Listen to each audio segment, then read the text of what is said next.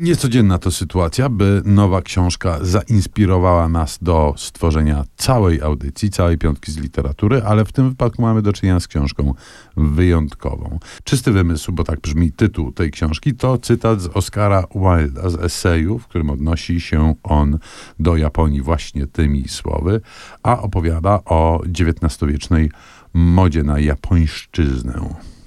Natomiast Matt Alt, autor czystego wymysłu, y, postanowił przyjrzeć się Japonii znacznie szerzej i głębiej. Podtytuł jest bardzo istotny. Podtytuł tej książki brzmi Jak japońska popkultura podbiła świat. A że podbiła, to chyba nikt nie ma wątpliwości. I to jest książka, która, to się rzadko zdarza, która daje znacznie więcej niż obiecuje, ponieważ ja przyznam szczerze, że biorąc się za nią, byłem przekonany, że dostanę solidny, porządny wykład, opowieść o tych różnych elementach popkulturowych, które faktycznie zaistniały w mniej lub bardziej wyraźny sposób we współczesnym naszym, e, nazwijmy to, zglobalizowanym świecie.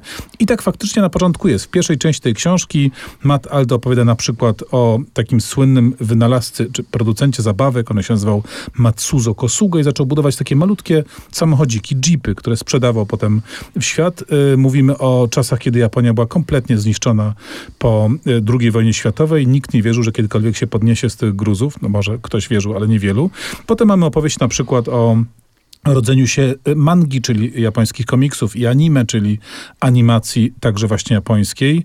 Tu pojawia się na przykład postać Osamu y, Tezuki, bardzo istotna dla tej historii. Mamy opowieść o karaoke i o tych salarymen, czyli tych y, smutnych panach z biur, którzy po pracy obowiązkowo idą się napić i pośpiewać przy muzyce. No ale, no ale, tym opowieściom towarzyszą opowieści totalnie zaskakujące towarzyszą, ale przede wszystkim y, totalnie zaskakująca jest druga część tej książki, w której pokazuje y, Matt Alt, jak głęboko y, przeniknęła Japonia. Znaczy, to nie chodzi tylko o towary, to nie chodzi tylko o sprzęt muzyczny, o Walkmany, o właśnie karaoke, o Hello Kitty i różnego rodzaju materialne elementy, które są w naszej kulturze, ale to, że Japonia od lat 90., powiedzmy mniej więcej, zbudowała nasz sposób pojmowania świata. Z opowieści o przedmiotach, o czymś, co jest namacalne, ta historia staje się historią kultury myślenia o świecie. Nagle zdajemy sobie sprawę, że my Japonią myślimy i rozumujemy, począwszy od takich rzeczy jak emoji, które dzisiaj nam się wydają oczywiste, prawda? To uśmiechnięta buźka, czy e, tego rodzaju e, drobiazgi wydają się być takim uniwersalnym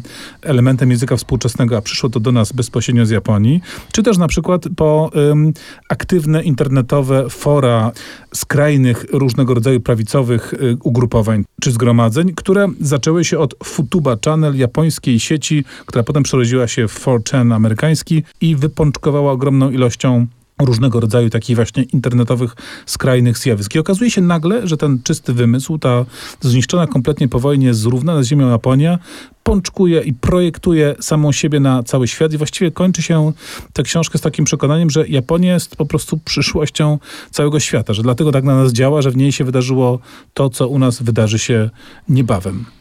Na cały świat to prawda i dotarła na przykład do Krakowa, gdzie zainfekowany japońszczyzną został jeden z bardziej prominentnych polskich prozaików, mianowicie Jacek Dukaj. Dowodem jest jego obszerne opowiadanie, wydane ostatnio jako osobna książka pod tytułem Imperium Chmur. Ta książka jest świetną egzemplifikacją tego, o czym mówisz, bo rzeczywiście e, umysł Jacka Dukaja został Japonią zainfekowany i Japonia jest dla niego oczywiście pretekstem, by snuć opowieść o zmianie, opowieść o czymś e, niby nie japońskim z gruntu, tylko o naszej współczesności uniwersalnej po prostu. Natomiast nie bez powodu e, do Japonii się ucieka. Skoro o nipponistycznej fascynacji dzisiaj mowa, no to nie mogłoby zabraknąć Quentina Tarantino i filmu Kill Bill niego właśnie posłuchajmy japońskiego zespołu Hotei, który zagra Battle Without Honor and Humanity.